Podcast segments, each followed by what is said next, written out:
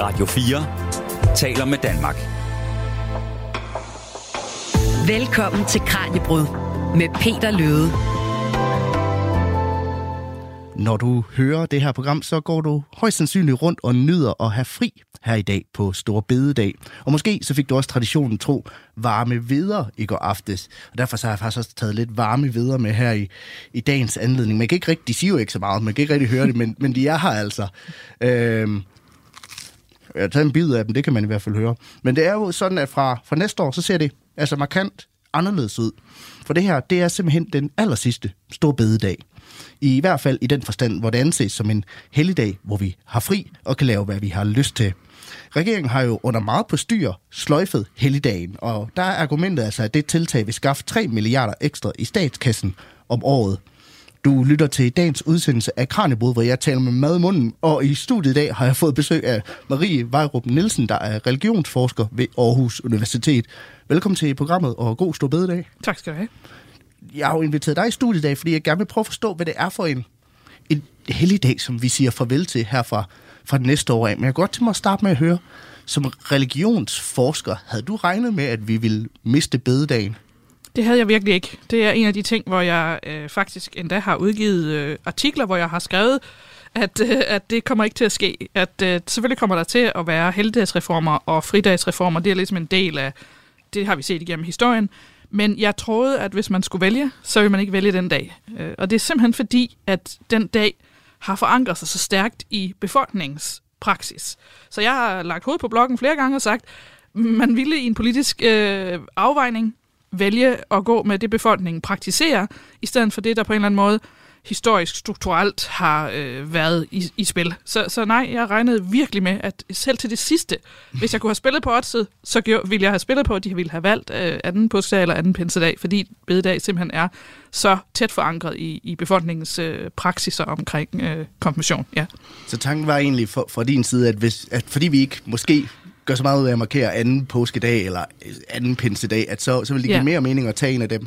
Ja, fordi de er forsvundet i de andre lande. Altså man kan sige, det her med at sekularisere samfundene, altså gå fra en religiøs logik til en, en ikke-religiøs logik, der har de her anden øh, helligdage, de er røget i de andre lande i, i Europa, øh, og også, øh, altså der har været forskellige ting i Skandinavien også. Så jeg tænkte simpelthen, at det ville være det nemmeste. Men er det helt ekstraordinært, altså, at man går ind og afskaffer en, en helligdag på den her måde, som man har gjort i Storbede? Det er jo lidt blevet gjort til, yeah. at det kan man simpelthen ikke tillade yeah. sig, men, men er yeah. det noget, vi har set før? Altså hvis vi tager det lange sådan, historiske blik på, så er det jo simpelthen en lang historie om at regulere, hvornår folk holder fri.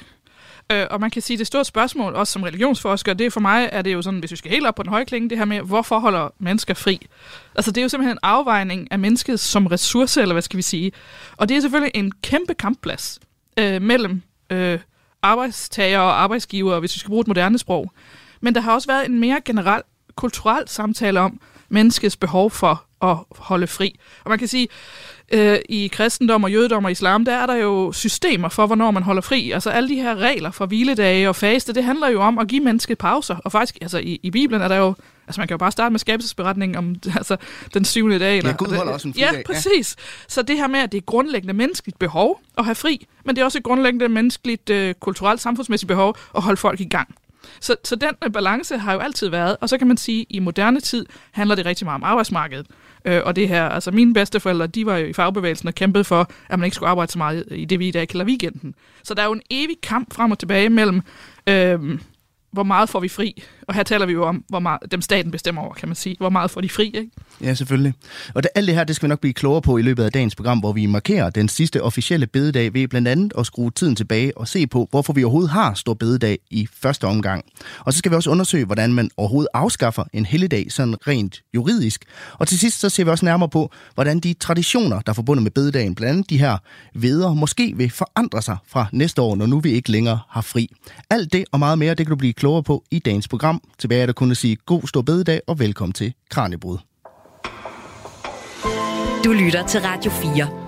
Og som jeg kort nævnte i indledningen, så har jeg fået selskab her i studiet af Marie Vejrum Nielsen, der er religionsforsker ved Aarhus Universitet.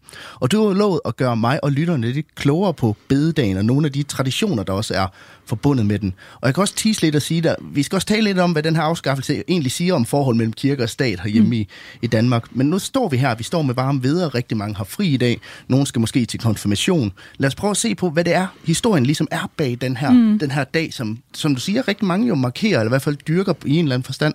Altså, det er jo en fusionshelligdag. Mm. Det er i hvert fald det, du yeah, kalder det. Yeah. Altså, hvad ligger der i det? Ja, altså det, hele det helligdagssystem, hvis vi ligesom holder sig til den del af historien, hvor der er en religiøs øh, fortælling bag og argumentation, så handler det jo om, at egentlig i reformationen, hvis vi lige bevæger os helt tilbage, øh, der afskaffer man jo alle de her ting, der har med helgen at gøre, og faktisk også de her såkaldte bodsdage, som bededagene er. Altså hvor man ligesom er henne øh, eller beder særligt for at få øh, afladet og ting og sager, som fandtes øh, i øh, som var en del af den, det opgør, som reformationen handlede om. Så der ryddede man gevaldigt op, men så sned de sig ind igen, øh, og det gør de jo faktisk gennem kirken. Altså man får ligesom, der er nogle store krige i Danmarks historie, hvor man bestemmer sig for, at nu er der brug for nogle bods- og bededage. Så de sniger sig ind igen. Og så kommer der hele tiden det her med, altså hvor mange af de her fridage, altså for det handler jo meget om, at, bef- at befolkningen så øh, ikke arbejder. På det her tidspunkt handler det jo ikke om skatteinddragelse, det kommer det selvfølgelig til senere, men der handler det jo egentlig om, altså, ja, altså på landet, hvor meget arbejder folk, hvor meget har de fri. Mm. Men så kommer der også et spørgsmål omkring det her med landbefolkningens adfærd, når de har fri. Okay. Altså, der kommer også senere, når vi bevæger os op igennem det her med, at der er en hel del sådan øhm, fridage, fører til meget sådan øh, frihed og opførelse, som man selv vil, og festen og alle mulige slags øh, udskejelser, sådan så folk ikke altid er så voldsomme i stand. Altså hele den her idé om, nogen siger det her med, øh, så har man fri, fordi så kan man gå i kirke og være frisk til at gå i kirke. Det er ikke sikkert, det er den måde, befolkningen opfører sig på. Altså, det kan godt være, at de kom i kirke, hvis de skulle, men det kan også godt være, at de lige brugte tiden på at feste så meget som muligt indtil. Ja. Så der kommer ligesom sådan en diskussion, bodsdage, bededage for at styrke religiøsiteten, eller hvad skal vi sige, øh, ja, altså kristenheden i folk, og så hvad de egentlig bruger dem til.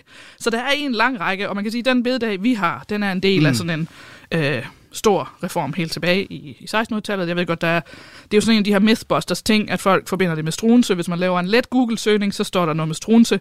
Det, det kan man lige glemme. Det er rigtigt, at der, det er faktisk det, der er pointen. Det er, at man indfører den fra kirkens side, som en del af det her bede bodsdagssystem, så laver man alle mulige reguleringer, og så der i 1700-tallet, hvor Struense er en del af magten, men det er ikke, så vidt jeg kan finde ud af hans reform, så er det faktisk den, der overlever. Okay. Så derfor er det den, der overlever, fordi så siger man, okay, den, den beholder I. Og alle, så begynder man ligesom at tage mange andre små bods- og bededage væk igen. Så det er en evig lang forhandling om, hvad er det. Så bededag på nogle måder bliver ligesom der, okay, den får I så. Okay. I 1700-tallet. Så vi samler nogle af alle de her helligdags og bodsdage i, i en dag, som vi så har opfundet til formål lige at, ja. at være en paraply for dem alle sammen. Ja, så det er den, man får lov til at beholde, og så får den den der tyngde.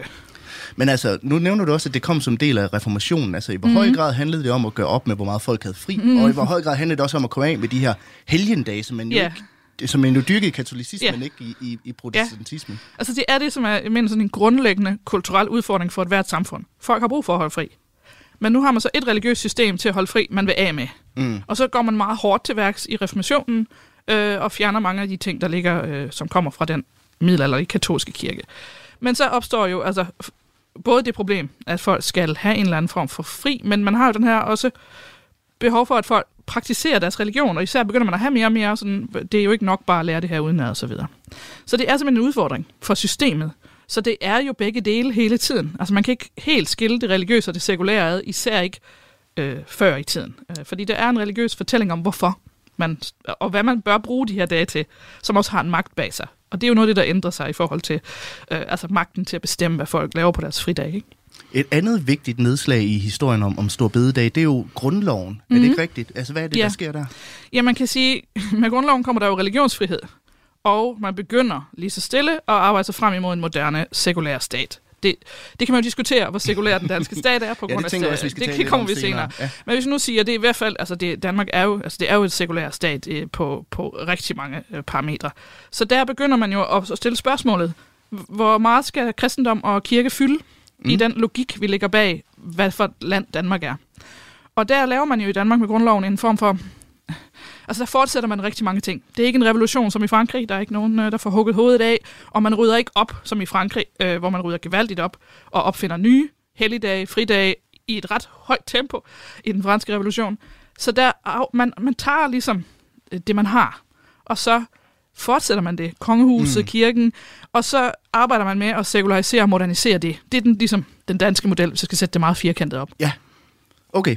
Altså, hvad er det så præcis, der er meningen, vi skal, vi skal stå bededag? Ja. Altså, vi skal jo ikke, vi, det er vel ikke meningen, vi skal spise videre og tage til konfirmation? altså, hvad er det, vi skal?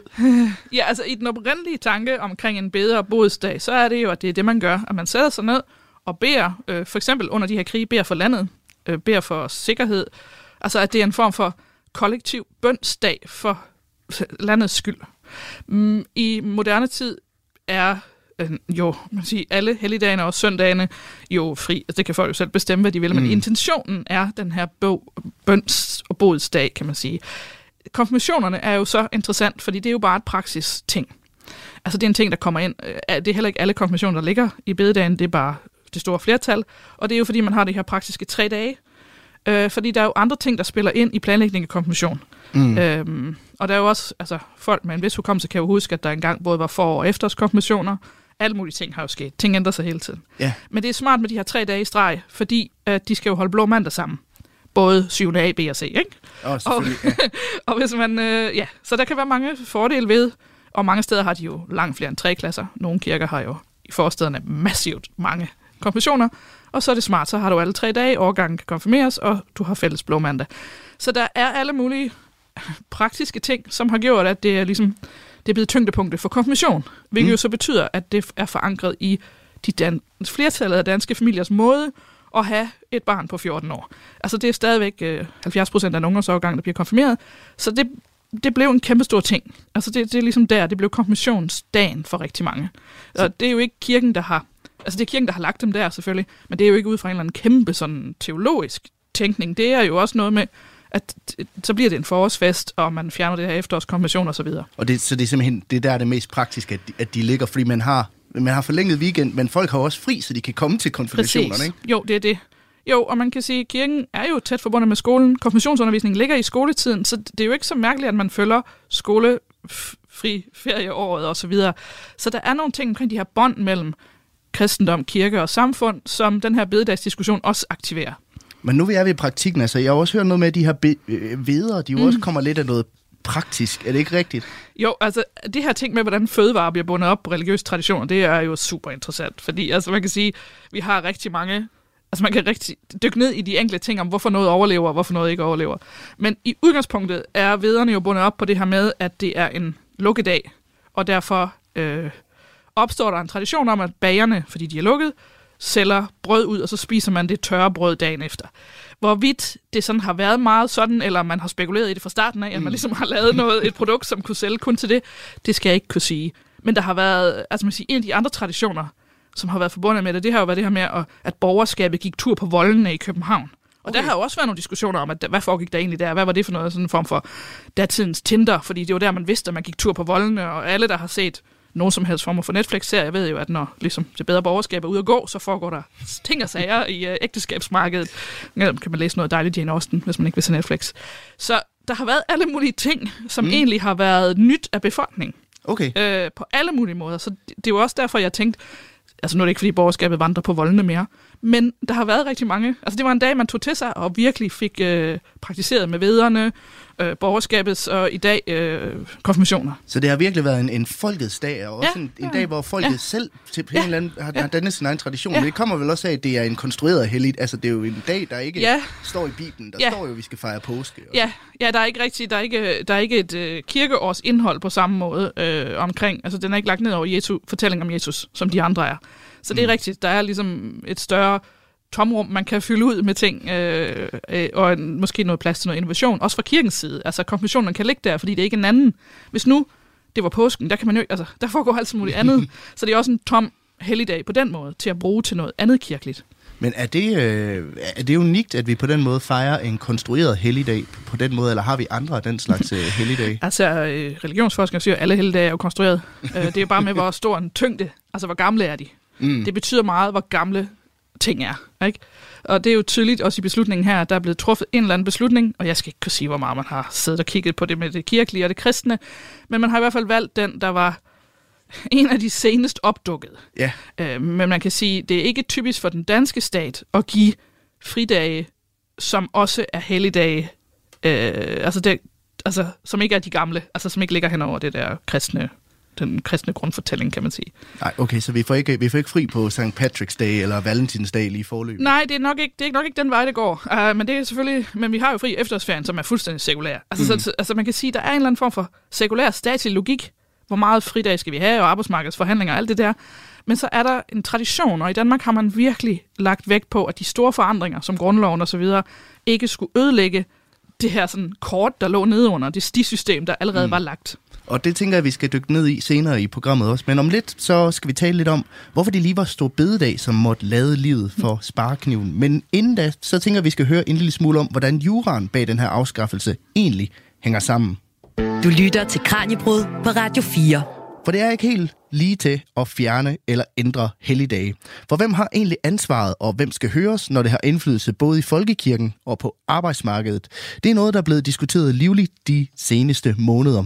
Lisbeth Christoffersen er professor i kirkeret og religionsret ved Roskilde Universitet, og hun forklarer her, hvorfor den politiske proces fra start har været urolig og fyldt med vrede for flere af de involverede parter der er jo ingen, der synes, det er sjovt, øh, at regeringen kommer ud med et regeringsgrundlag lige før jul og siger, at i skal vi have nedlagt en hele dag. Det har vi ikke hørt et suk om i valgkampen, øh, så det er klart, at alle bliver sure over det.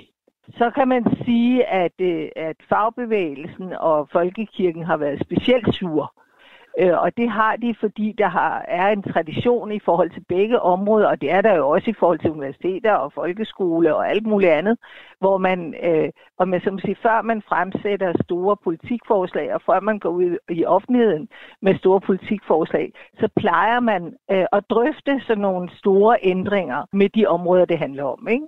Og det er jo det, Lisette Rigsgaard har sagt meget, meget tydeligt. I kunne have ringet, så kunne vi have taget en trepartsforhandling. Og tilsvarende har, har biskopperne og landsforeningen af menighedsrådet og alt, hvad der kan krybe og gå af ledelse i folkekirken sagt, I kunne have ringet, så kunne vi have snakket om det. Og der kan man sige, det er jo en anden måde at føre politik på øh, at man øh, sætter sig ned i et øh, lukket rum og skriver regeringsgrundlag og laver sådan en øh, musketeriet mellem tre øh, partiledere på grundlag af oplæg fra centraladministrationen, uden at der overhovedet slipper noget som helst ud. Og der er den store udfordring der, det er, at det er en udfordring af, hvad skal jeg sige, en politikudviklingstradition i Danmark. Men det er ikke formelt forkert, men det er en ændring af praksis, og måske, ja. i hvert fald i nogens, nogens øjne, også moralsk øh, vanskeligt at, øh, at det i hvert fald, altså det næste er så, øh, hvad skal jeg sige, da de kom ud af det der lukkede rum, de der tre musketerer, øh, og sagde, nu er vi øh, ledelsen af landet, og nu udpeger vi en regering og sætter nogle ministre til at gennemføre det, vi har aftalt, så må vi jo gøre os klart, at ingen gang ministerne havde hørt det inden de blev bedt om at være minister og gennemføre tingene. Ikke? Øh, så, så, så det er virkelig en demokratisk udfordring. Men hvis vi skal tale særskilt om forholdet til folkekirken, øh, så, så er det, om jeg så må sige, ikke en større demokratisk udfordring i forhold til folkekirken, end det er i forhold til arbejdsmarkedets parter og til befolkningen som helhed. Og det var Kasper Friis, der talte med Lisbeth Christoffersen, og vi skal høre mere fra Lisbeth senere i programmet. Radio 4 taler med Danmark. I dag er det Stor Bededag, og det er den sidste af sin slags. Derfor så har vi i Kranjebrud i dag dedikeret os til at blive klogere på den her snart forgangne helligdag. Min gæst i studiet i dag er Marie Vejrup Nielsen, der er religionsforsker ved Aarhus Universitet. Og jeg tænker, Marie, vi skal tale lidt om, hvorfor det overhovedet endte med at være Stor mhm. Bededag, der fik kniven? Fordi du sagde jo i starten af programmet, at det, du havde ikke regnet med, at det mm. rent faktisk ville ske det her. Men det kunne også have været en af de mange andre helligdage, mm. øh, som ligger strået over foråret, der ligesom fik sparket. Mm. Ikke? Og nu taler vi jo om, at, at det, det kom bag på dig, og du håbede på, måske det var anden påskedag eller anden pinsedag. Men hvorfor tror du, det er bededag, som regeringen alligevel valgte at skære væk? Ja, så det er klart, det er jo spekulation, fordi at, øh, det er jo noget, der kom meget pludseligt, og ligesom havde en, en form for ja, et lukket rum, som pludselig blev åbnet for os alle sammen. Øh, men det virker jo som om, at man har øh, tænkt i valget, i hvert fald mellem helligdage, at Stor Bededag var en ny helligdag. Mm. En, en ikke så kristen helligdag, eller hvad skal man sige? Altså en relativt ny helligdag. Reformationen ja. er jo trods alt nogle år siden. Ja, ja, ja men altså, hvis nu siger, der er fra midt 1600-tallet, men i hvert fald ikke en, der er 2.000 år gammel. Nej. Og en, som ikke er belagt med den her kristne grundfortælling. Så at det ikke er et problem på den måde. Man blander sig ligesom ikke ind i, øh, hvorvidt vi har fri de dage, hvor man skal, hvor kirken fejrer grundhistorien om Jesus. Men det er klart, det rejser det her spørgsmål. Hvis det er rigtigt, mm. så har man jo prioriteret en bestemt kirke, men jo så også uden, altså det er ikke, den kirke har ikke selv Altså, det har ikke været sådan en, hvilken dag vi er af med proces. Så, så, så man har, hvis det er det, der har ligget bag, altså at det simpelthen er den nyeste øh, helligdag, øh, så kan det være, det er det. Men nu, det er jo kompliceret, fordi man også tager det som en, altså det er en fridag, man afskaffer, som også er en helligdag. Det er det der mm. dobbelte. Øh, fordi man kan selvfølgelig også spørge, hvorfor tager man ikke fridag fra folk, men det er måske, fordi det vil være endnu mere kontroversielt at fjerne ja. øh, en dag efter, altså i ferieåret. Altså, ja, for det og kan... det er jo kompliceret. Jeg er ikke arbejdsmarkedsforsker, jeg ved bare, hvor utroligt kompliceret det er. Ja, for det kan være, at vi skal prøve at forstå forholdet det her mellem ja. det her med fridag og helligdag, ja. fordi de ligger jo lidt oven i hinanden, ja. men det er ikke det samme. Nej, det er jo så ikke det samme. Man kan sige, fordi øh, sekulære stater, som USA og og andre lande, som er, kan man sige, er sekulære på, på statsniveau på mange måder, de har jo ikke de fridage. Så man kan jo sige, at man kan jo planlægge et fridagsår som stat, helt uden at tage hensyn til, hvilken religion, der eventuelt har været majoritet i landet historisk set. Mm. Men det er ikke det, man gør i Danmark. Der, på grund af stat-kirkeforholdet og kristendoms-nationsforholdet, tænker jeg, så har man øh, givet plads til det. Øh, ja.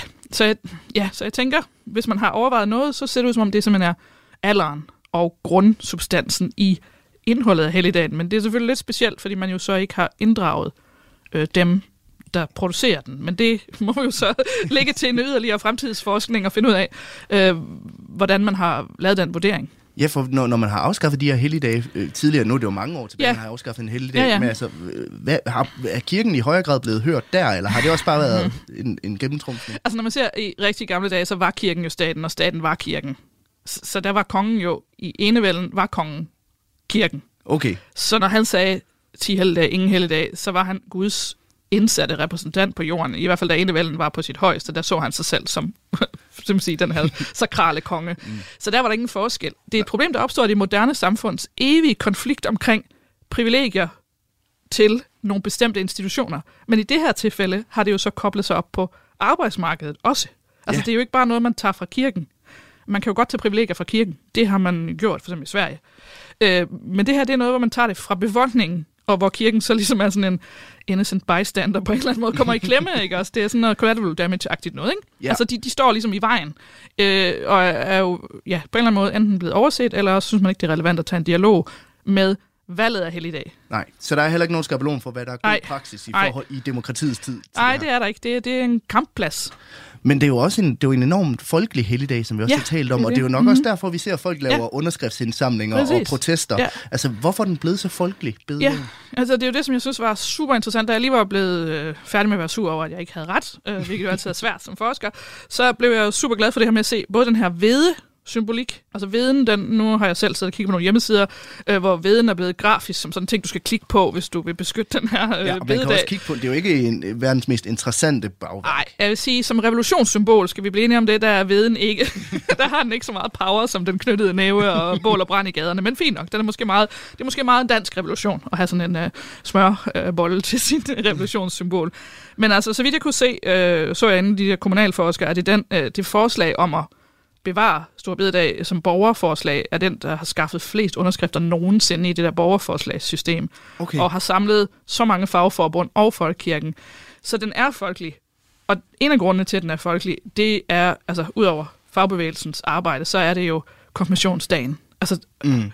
Og så selvfølgelig det her med forårsfridagene. Men det er konfirmationerne, fordi konfirmationerne fylder rigtig meget, og man skal jo forstå, at konfirmationerne er Øh, det er nogle ting, der er forbundet ind i skolerne, ind i familierne, men også i erhvervslivet. Altså det er jo restaurationsbrancher, tøjproducenter, altså det, den har alle de her dimensioner, som en stærk tradition, overlevelsesdygtig tradition har. Øh, og det så vi også under corona, alle diskussionerne om, at den skulle udskydes, og alt det, altså, hvad det skabte problemer for restauranter og andre. Så det, den er folkelig. Den er, folk har taget den til sig, og konfirmationen er heller ikke gammel. Mm. Det er også en, en, en, et ritual fra 1700-tallet. Så det er to, måske historisk set nyere ting, men de har altså virkelig grundfæstet så stærkt, som man så tager fra folk. Og om ikke andet, så er det også dejligt bare at få en, en fridag i, yeah. i høj sko- solskinning. Altså, man, man har også været efter bededagen før, altså, og mm. forsøgt at afskaffe den af flere yeah. omgange. Hvorfor det ikke lykkedes der? Altså sidst jeg har kunne se, der, der var det netop det her med, at der kom sådan en ramaskrig også fra restaurationsbranchen. Der var rigtig mange overskrifter om kaos. Kaos i familierne, kaos. Øh, vi har booket øh, restauranter, og øh, restauranternes ordrebog var otte år frem i tiden booket. Og man, så der, der var ligesom det der kaosord, det, det gjorde, at man trak lidt i land. Øhm, og man kan selvfølgelig sige, bund og grund ændrer det her jo, det er jo bare kirken, der skal planlægge anderledes, kan man mm. sige, fra statens side nej, I har ikke den her øh, fridag. Altså, om I har den som helligdag, det kan I jo selv finde ud af. Altså, mm. øh, men øh, vi giver ikke folk fri til at gå i kirke. Nej. Øh, finde ud af det. Altså, det, det er simpelthen, det er jo den, og det er jo specielt, fordi det er jo sådan noget sekulariseringsstater gør. Men nu er vi jo i 2023. Hvis det her var sket i 1923, som en del af sådan en socialistisk, øh, nu sætter vi, øh, nu ruller det, nu moderniserer vi det her samfund, så havde jeg tænkt, okay, fint, det er jo sådan, det er. Øh, der i starten af 1900-tallet, der øh, er der alle de her moderne forskellige former for ændringer. Øh, men nu er vi i 2023, og så ligesom om staten sætter foden ned nu omkring noget, som jeg kan godt forstå, at folk er overrasket, fordi det er en anderledes øh, proces på alle måder for alle parter. Ja, nu nævnte du selv det her med, at jamen, vi har i hvert fald ikke fri stor bededag med, men betyder det, at det ikke er en helligdag? Det er, sådan, ja. det, det, det er sådan lidt sjovt, fordi ja. der er ikke noget, der afholder os fra at, at bruge alle ritualerne alligevel. Nej. Vi er ikke fri til at gøre det. Nej, det er det. Man kan sige, hvis folkekirken ønsker at opretholde bededag i sin ritualbog, det, det øh, så vidt jeg forstår, er ikke forslaget, at folkekirken skal lade være med at have noget, der hedder bededag på den måde. Øh, det har jeg i hvert fald ikke kunne se. Det må de jo selv bestemme. Og som du siger med St. Patrick's Day og sådan noget, det, nu er det jo ikke lige lægge måske for, at folkekirken indfører sådan nogle helgendage. På den anden side, det tænker jeg, det, det bestemmer kirken nok selv, hvad de laver. Men det er det her med, giver staten befolkningen fri. Mm. Fordi det er det, som et tæt stat-kirkeforhold har betydet for folkekirken. Ja, staten giver folk fri, når de har påske og jul og alt muligt andet, som er vigtigt for kirken. Øhm, og det har så befolkningen brugt til forskellige ting, men det har i hvert fald givet den her, det her privilegie. Og nu rokker man ved den øh, aftale. Men handler den her debat så lige så meget om forhold mellem kirke og stat herhjemme? Altså det er i hvert fald det, den fremkalder. Mm. Øh, et forhold, som er tit ret usynligt, eller i hvert fald øh, sådan lidt uproblematisk, og de fleste mennesker ikke tænker så meget over til daglig. Fordi de fleste øh, i Danmark er kulturkristne, altså bruger folkekirken, er medlem af folkekirken. Det, det, det, det fører typisk ikke til konflikt eller politisk øh, konflikt. Øhm, men det er jo den her, hvad skal man sige, den, de her tætte bånd mellem stat og kirke. Men jeg kan huske, øh, en af mine øh, kolleger på Aarhus Universitet har tit sagt, at i 20. århundrede, der skiller staten sig fra kirken, men kirken ikke fra staten. Altså staten sætter nogle spilleregler op for, mm. hvordan kirken skal være. Og kirken kan ikke gøre fra eller til. Nej. Så man har altså en statskirke på den måde, som ikke kan gøre fra eller til. Og det er jo så det, man oplever nu. Altså øh, også i forhold til, hvis man troede, man ville blive inddraget på en særlig privilegeret måde, så er det staten, der bestemmer. Det kan den gøre, det kan den lade være med. Mm. Og det er en sekulær stat jo, som opfører sig på den måde. Øh, mm, og det, det er jo interessant, fordi det kalder nogle ting frem, nogle spørgsmål. Det her ting er ikke skrevet ned. Nej. De er ligesom en relation, stat og kirke har. Det er ikke forbudt for staten. Det er ikke ulovligt for staten at gøre det her. Men kirken og befolkningen blev overrasket. Ja, så folkekirken har en særlig status og et særligt bånd ja. til, til staten, ja. men samtidig så, ja. så, så, har de, så har de ikke rigtig nogen særlig status, fordi at, så ja. vil man måske have gået ud og hørt, hvad, hvad de rent ja, faktisk synes præcis. om det her. Ja, og det er noget af det, som jeg har været selv interesseret i i min forskning, at på nogle måder er folkekirken så privilegeret. Et kæmpe majoritetskirke, hvis man ser på øh, de andre, hvor små de er, de andre trosamfund. Men samtidig, når man ser på lovgivning og praksis, så kan de lige så vel blive fanget i, at de får at vide, hvordan øh, kagen skal skæres. Det så vi også under corona. Øh, fordi de er så tæt på staten så kan staten måske også gøre nogle ting, og... øh, altså, ja, som de ikke øh, lige regner med. Og den her debat, den tænker jeg, at vi skal dykke ned i lige om, lige om lidt. Men inden da, så skal vi vende tilbage til Lisbeth Christoffersen. Du lytter til Radio 4. For det er en omstændig proces at ændre forholdene i folkekirken. Professor Lisbeth Christoffersen fra Roskilde Universitet fastslår, at der er flere centrale juridiske spørgsmål i den her proces.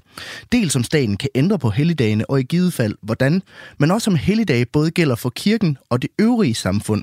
Lisbeth Christoffersen forklarer her om de juridiske overvejelser. Det har spillet en meget stor rolle, at der i 2017 blev afsagt en dom i højesteret, som handlede om sidste gang, øh, man øh, øh, lovgivningsmæssigt regulerede folkekirkens forhold på, på de her indre anlægner. Øh, altså, hvordan, hvilke ritualer er der for det ene og det andet. Sidste gang, det var i 2012, der fik vi et øh, ritual for hvilelse af par samme køn, Øh, Øh, ægteskabsloven blev ændret, så øh, ægteskab også kunne være mellem par af samme køn, øh, og øh, lovgivningen om øh, rettighederne for medlemmer i Folkekirken blev ændret, sådan så medlemmer i Folkekirken også havde ret til at blive videt i Folkekirken, hvis de var par af samme køn, og så ændrede man ritualet. Øh, og det, øh, ritualerne bliver ændret på den måde, at øh, ministeren går til dronningen øh, og beder om en øh, ny kongelig autorisation eller øh, øh kongelig beslutning af en eller anden slags. Det er et teknisk begreb. Øh, og der var der så en mindre gruppe i Folketinget, som anlagde sag ved domstolen og sagde, at det ritual var ulovligt. Det var i strid med grundloven, Folkekirken er evangelisk luthersk, øh, og det ritual er, ikke, er i strid med det evangelisk lutherske. Og de sagde, eftersom to af biskopperne ud af de ti var imod, øh, så var det ulovligt også, fordi der var nogle biskopper imod. Og der sagde højesteret i øh, sin dom i 2017 fuldstændig entydigt, at det, det er regeringen og Folketinget, der lovgiver for folkekirkens forhold. Det er regeringen og Folketinget, der lovgiver internt om, hvad det er, øh, ritualer osv.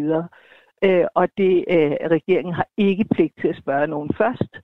Men der skal udøves et fagligt skøn, og det faglige skøn skal man have biskopperne til at hjælpe med.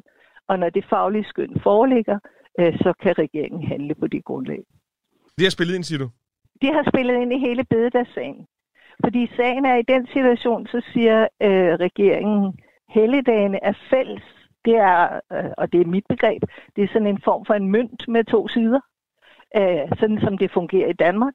I andre lande, er helligdagene to adskilte mønter, hvor øh, kirken øh, fastlægges regler for kirken om helligdage som det ene, og regler for samfundet som det andet. Øh, sådan er det i Tyskland for eksempel. Men i Danmark er det sådan, at helligdage er et begreb, som har konsekvenser både internt i kirken og i samfundet som helhed. Og så siger regeringen, og det er jo en politisk beslutning, vi vil øh, nedlægge en helligdag, og det skal andre ikke blande sig i, hvis vi kan få flertal for det. Og det andet, der er en politisk beslutning, det er, at regeringen siger, og vi vil opretholde den situation, at helligdage er fælles for kirke og samfund. Vi vil ikke give os til at pille selve helligdagsbegrebet. Vi vil heller ikke lave en helligdagsreform. Øh, vi vil bare nedlægge en helligdag så får vi en proces, hvor regering og folketing bestemmer både for hele samfundet og internt i kirken, at der ikke skal være den hele dag længere. Altså, så du indikerer også, at de egentlig foretager det fagskøn? Det fagskøn beder de så biskopperne om. Og nu kommer vi tilbage til processen. Der har jo været masser af mudderkastning, eller hvad jeg nu skal kalde det, masser af vrede på begge sider. Øh, ministeren siger, at hun har forsøgt at komme i kontakt med biskopperne siden før jul, øh, og biskopperne siger, at det var øh, et ikke særlig elegant forsøg på at komme i kontakt. De diskuterer med hinanden en eller anden middag efter nytår. Altså alt det der, synes jeg, er detaljer, men det er jo klart, at det er det, der har gjort folk vrede. Men det ændrer ikke på, at i løbet af januar skrev ministeren til biskopperne og bad om et fagskøn. Vil nedlæggelse af Stor Bededag være i strid med grundlovens par 4, som siger, at folkekirken skal være evangelisk luthersk? Og det er det ikke. Og det er biskopperne også nødt til at svare tilbage, at det er ikke i strid med det. Der er jo andre kirker, der ikke har, øh, evangelisk lutherske kirker, der ikke har en stor. Vi er sådan set det eneste, der har den som helligdag stadigvæk. Så det er en tradition, men det er ikke en nødvendighed øh, for kirkens karakter af evangelisk luthersk. Og dermed er vi inden for rammerne af det, man retligt set kan beslutte. Men det, du egentlig også måske lidt indikerer, det er, at man godt kan diskutere, om der virkelig er tale om en helligdagsreform ala 16-1700-tallet. Der er ikke tale om en helligdagsreform. Det er der ikke, netop fordi man, om jeg så må sige, blot har nedlagt en helligdag. Øh, grunden til, at det, det har jo givet meget ballade, men grunden til, at det ikke har givet endnu mere ballade, er, at det ikke var en af de rigtige helligdage. Altså, at det ikke var skal torsdag, langfredag, påskedag, anden påskedag. At det ikke var juledag, anden juledag. At det ikke var pinsedag, anden pinsedag.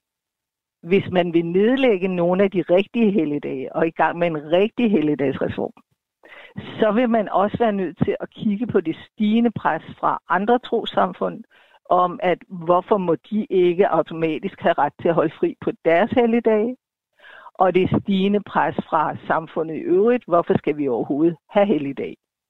Og i virkeligheden er det det, der ligger bag ved det, der er foregået her. Fordi det er jo Sallinggruppen, der i overvis har presset på for at få afskaffet hele dagene som lukkedage. Altså for at få ændret den danske religionsmodel på det her område. Senest så vi det under corona. De ville have åbent øh, i øh, Bilka i øh, påskedagene, fordi nu var der mulighed for, at, at man kunne komme ud og handle igen. Og det presser der hele tiden. Det var også det, der lå bag ved det samme forslag i 2012. Det er de store øh, forretninger, som vil have åben alle dage, 365 dage hele året. Øh, og det her, det handler meget mere om, hvad skal være samfundets grundlæggende struktur. Altså hvad der skal være i tungest, om det er kirken eller om det er supermarkederne? Ja, det er det, det handler om. Og det var Kasper Fris, der havde ringet til Lisbeth Christoffersen. Radio 4 taler med Danmark.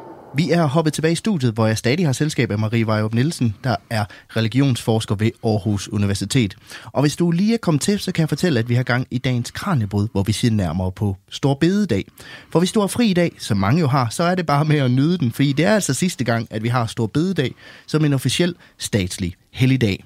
Lige inden vi hørte det her indslag, der uh, talte vi lidt om forholdet mellem kirke og stat, Marie, og hvordan staten mm. simpelthen kan gå ind og blande sig i, i kirkens helligdag, mm. fordi de to ting jo er ret tæt forbundet.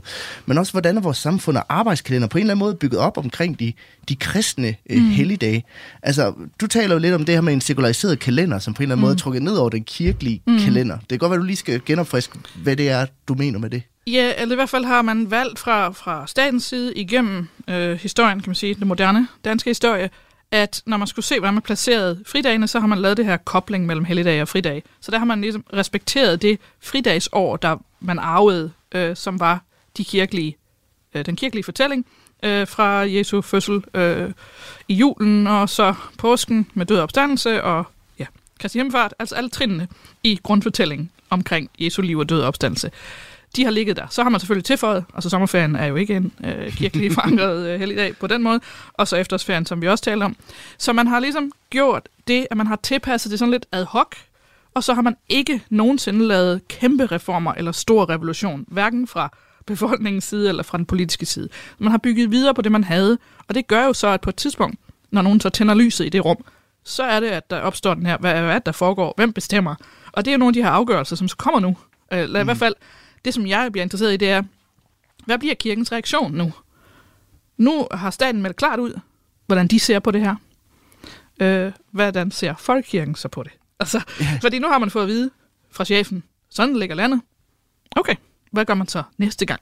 Ja, og altså. det, det bliver jo super interessant mm-hmm. også at, at se på, hvad, ja. hvad reaktionen bliver der. Men også, ja. som, som Lisbeth siger, det her med, at reaktionen fra andre øh, religiøse ja. samfund, det her ja. med, jamen, vi ja. er jo et andet samfund, end ja. vi var i, i, i 1600-tallet. Ja. Øhm, altså et samfund, der er meget mere diverst i, ja. i religion ja. og, og så videre.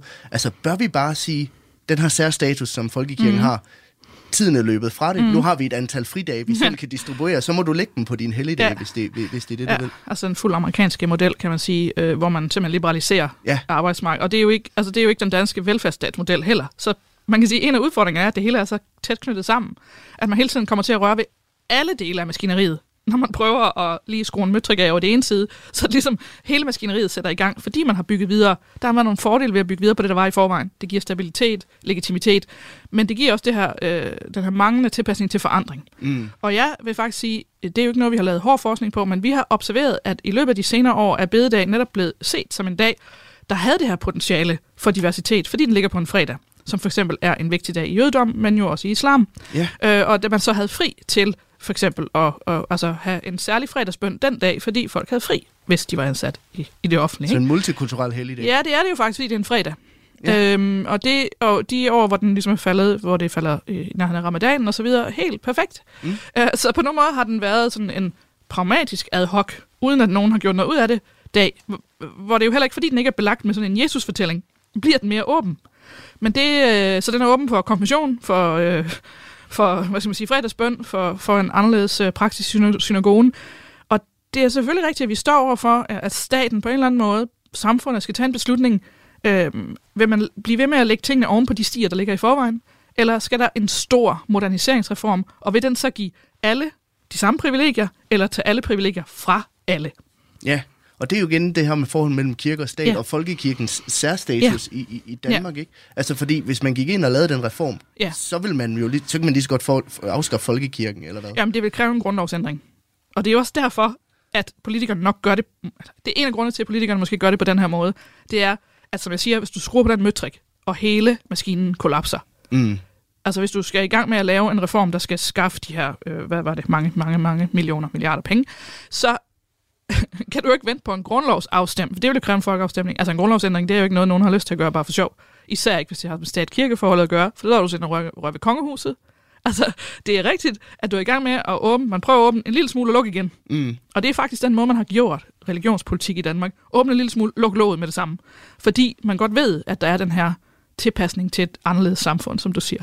Så, så hvad siger den her afskaffelse af stor bededag om forhold mellem kirke og stat? Kan man bruge det til at sige et eller andet om, om det moderne forhold mellem de to? Altså, der er stadigvæk, hvis vi træder helt tilbage fra konfliktniveauet, så er der stadigvæk en øh, anerkendelse af, at man ikke åbner den her kasse helt. Fordi det vil jo give en meget voldsommere, potentielt voldsommere ændring for folkekirken, end, end den her øh, opgave med at, at flytte konfirmationerne. Altså det, det vil virkelig være øh, alvor for det danske samfund at skulle genbesøge, hvordan ligger vi religion, trosamfund i forhold til staten.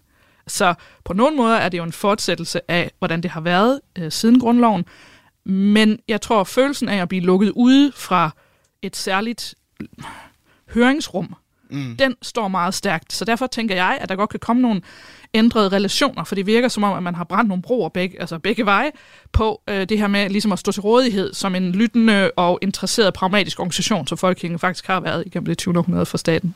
Men man kan, kan man, er, det, altså på, er det på en eller anden måde et opgør med den her særstatus, som, som folkekirken har? For jeg tænker også, altså, det er jo den eneste kirke, mm. hvor staten direkte kan gå ind og, Ja, og, og ja, blande ja. sig i, hvordan at man Ja. praktiserer øh, Ja. og, og gør Ja, ja. tingene i kirken. På- de går men- ikke ind og siger, hvordan man skal gøre i moskéerne. Nej, nej, det kan de ikke på den måde. Nej, altså man kan sige, på nogen bagvendt måde bekræfter det særstatus. Ja. Så det stiller egentlig et spørgsmål tilbage til kirken. Hvor interesseret jeg er i det her privilegie, I har, hvis mm. det koster det her hele tiden. Altså, Ja. ja. det, det er sådan set, fordi det er en bekræftelse af særstatusen. Ja. Og hvor tæt man er på staten. Og hvor set man er af staten. Og hvor tæt man er på samfundet. Mm. På godt og ondt. For godt og ondt. Ja, og om lidt så tænker jeg, at vi skal se nærmere på, hvad der så sker med mange af de her traditioner, som, som vi jo har forbundet med bededagen, når bededagen så går fløjten næste år.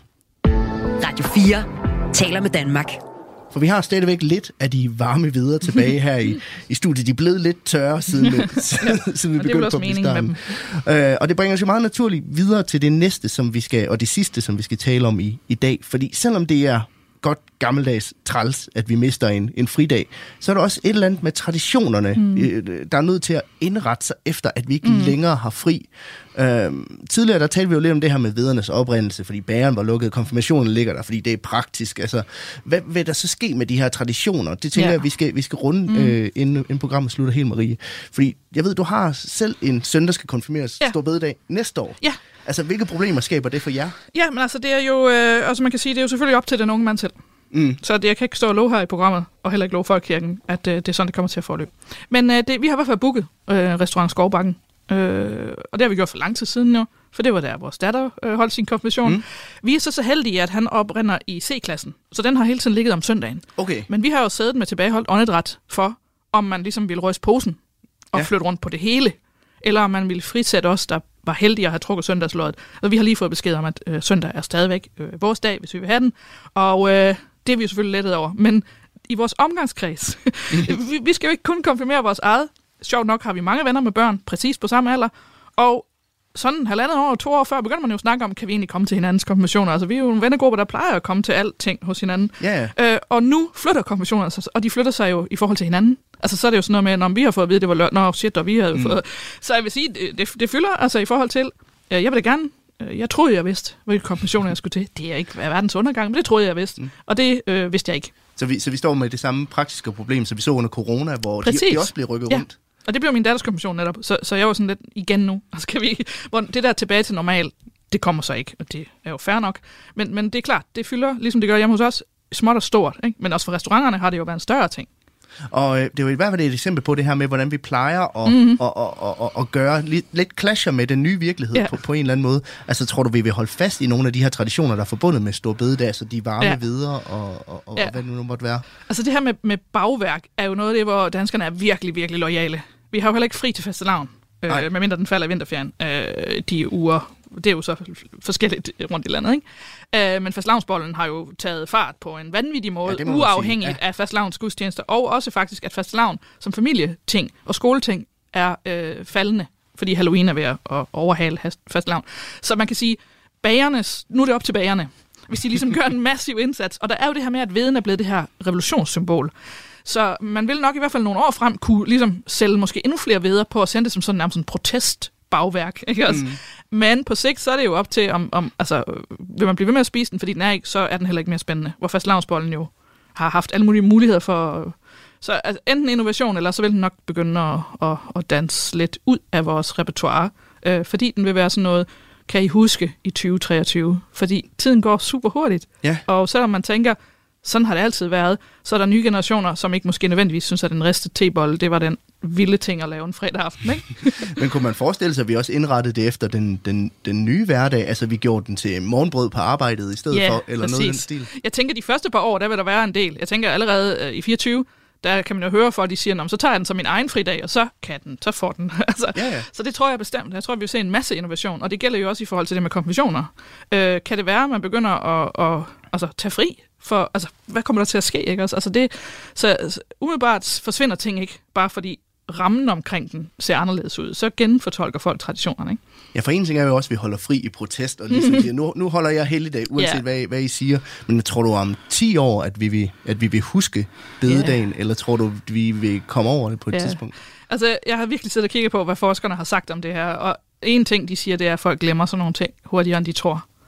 Øhm, også selvom det er politisk hårde ting. Nu er der det her med, at det er en ting, der kommer tilbage, mm. så vi vil blive mindet om det i forhold til andre ting, politikerne, altså politiske ting, der ændrer sig, som er svære at gennemskue.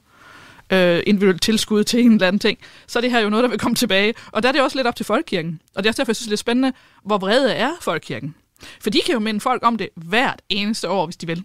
Ja. Altså, de kan jo simpelthen nu De begynde har at lave... bogstaveligt talt en prædikestol. De har nemlig en bredkestol og en, øh, altså et medielandskab øh, og øh, til at lave øh, øh, kritik og diskussion. Ikke? Så jeg tænker, det er også lidt op til, hvor meget husker dem, som er blevet mest provokeret, altså fagbevægelsen og kirken, øh, hvor meget husker de det i forhold til, om befolkningen vil blive ved med at knytte sig til den her dag? Jeg kunne godt tænke mig at høre også, altså hvad tænker du altså, som religionsforsker, hvad glæder du dig så til at se øh, af udvikling hen over mm. de, de, de, de næste år? Altså, Ja. øh, er der noget, du ser frem til at, at finde ud af omkring vores forhold til Stor Bededag, nu hvor det Ja. ikke er her mere? Altså, den ene ting, jeg er rigtig interesseret i, det er, om folkekirken vil ændre sin attitude i forhold til staten og være lidt, altså den her proteststemning, om den vil fortsætte, for det, det er typisk ikke sket i de andre sådan konfliktscenarier.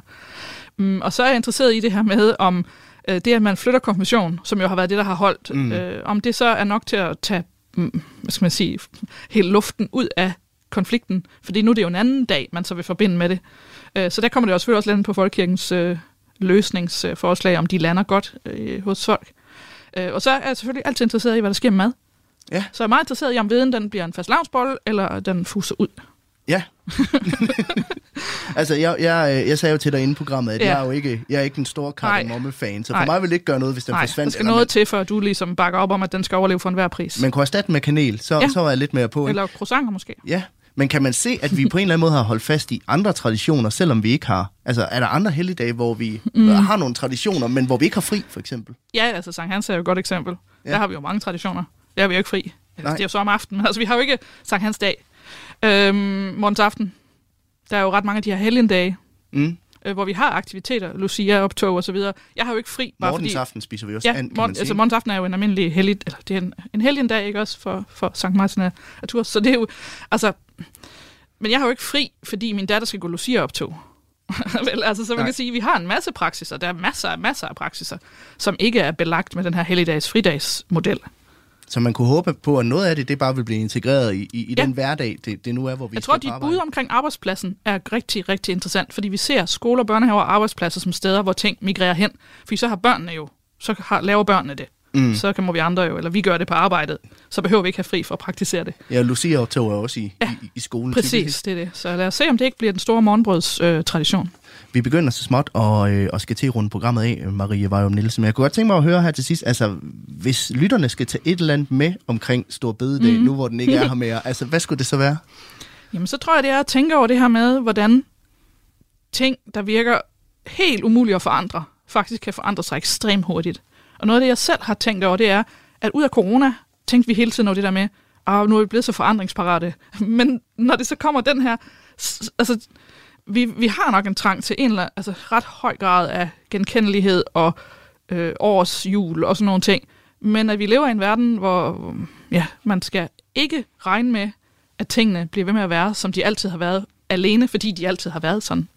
Marie, det bliver alt, hvad vi når i dagens program. Tak fordi du har lyst til at gøre mig lytterne klogere på den her helligdag på den aller sidste af dem. Selv tak. Og øh, så skal jeg måske lige afsluttende sige, at det var Marie, Vejrup, der er religionsforsker på Aarhus Universitet. Så vil jeg også gerne sige tak til dig, der lyttede med. Hvis du vil blive klogere på højtider og helligdage, så kan jeg fortælle, at du i Radio 4's app kan finde alle mulige tidligere Kranjebrudsprogrammer, hvor vi udfolder alt fra påsken og dens traditioner. Det kan også være programmer som jul, pinse og alle mulige andre traditioner. Du finder det hele i Radio 4's app, som du kan hente på Google Play og på App Store. Jeg hedder Peter Løde. Programmet er produceret af Videnslyd for Radio 4. Nu giver jeg fladen videre til nyhederne. Rigtig god stor bededag. Du har lyttet til en podcast fra Radio 4. Find flere episoder i vores app, eller der, hvor du lytter til podcast. Radio 4 taler med Danmark.